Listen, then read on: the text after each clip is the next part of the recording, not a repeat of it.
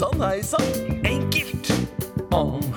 Sitter du der og leser, du, da? Jukselitteratur. Hunden Hugo var så trøtt, så trøtt.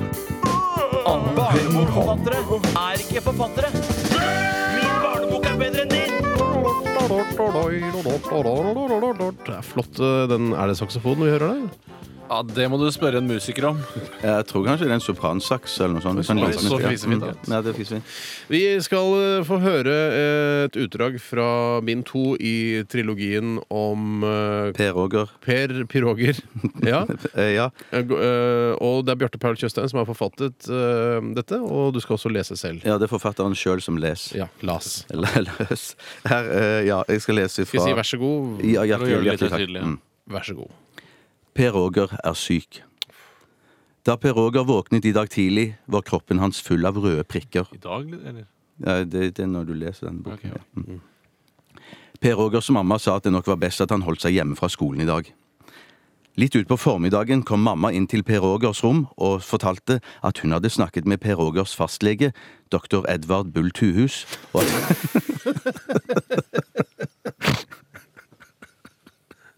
Og at han gjerne ville stikke innom for å se til Per Roger. Så bra! Doktor Edvard Bull Tuhus, han er bare megakul, sa Per Roger. Da doktor Edvard Bull Tuhus litt senere på dagen undersøkte Per Rogers kropp, holdt han på lenge og vel før han snudde seg mot Per Rogers mamma og sa Jeg er lei for det, frøken, men deres sønn har fått aids. Nei da. Hva er det du sier? Har Per Roger fått aids? Nei da, det var bare en spøk. Per Roger har selvfølgelig ikke fått aids. Han har fått lungekreft med spredning. Herregud, sa Per Ågers mamma og besvimte. Hva er lungekreft med spredning, doktor? spurte Per Åger. Det er en smertefull sykdom som ender i død og begravelse. Hva, hva er det du sier, sa mamma, som nå var i ferd med å komme seg- til seg selv igjen. Jeg sier at det var en spøk, sa doktor Edvard Bull Tuhus. Din sønn har verken kreft eller aids. Ja, men hva er det som feiler min sønn, da? Per Åger har dødelig ebola.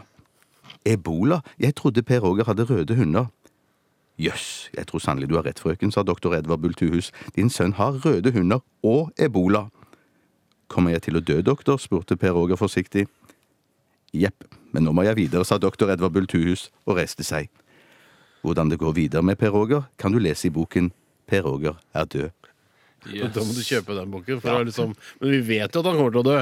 Ja. Det er ikke noe, vi må ikke lese. Du kan- Han kommer til å dø av ebola, sånn mest sannsynlig. Ja. Ja, Hvis han har det, da. Du vet jo ikke med han Bull Tuhus eh, hva slags eh, tøys og ablegøyer han har funnet på nå. Men jeg vil jo bare si dette er jo noe som kanskje i sin samtid blir sett på som litt i overkant drøyt, og ikke burde åpnes før i jeg vet ikke helt, jeg. kanskje 2050 eller noe sånt. At verden er moden for det da. Ja. Kanskje det burde gravd det ned og satt en liten Post-It-lapp på det, sånn som Hamsun gjorde. Jeg syns det var gjøn innenfor eh, sjangeren barnebok. Altså, det, Det var her det. var, dette, her var, altså, dette her var ikke et seriøst forslag eh, til hvordan en barnebok kan se ut. Det var kritikk. Gjøneri. Ja, det var jo Ja, ok, så satire, nesten. Nesten. Ja. Vi vet jo jeg ikke hva satire er, eh, så- Det var rart. Hoppa litt sånn rart i tid og sånn, syns jeg, Ja. i begynnelsen her. Men uh, innholdet var helt utrolig morsomt. Men, og tusen, veldig barnaktig. Jeg må si at jeg sliter i mitt forfatterskap med hopping i tid. Ja, du gjør det. Ja, det er jeg det det I dag morges eh, våknet uh, Ja. Piroger. Uh, nei, eh, senere i dag kommer han til doktoren. Det er vanskelig å ja, kom, ja. Pass på det tidsbruken veldig, veldig var vanskelig. husker jeg, på barneskolen. Ja, Pass på jeg tidsbruken. Jeg gir terningkast eh, to, jeg. Jeg gir en eh, ekstremt uh, svak treer. jeg. Ok. Ja, Så, gratulerer. så, det- ja. Godt å vite hva som er best. Nei, nei.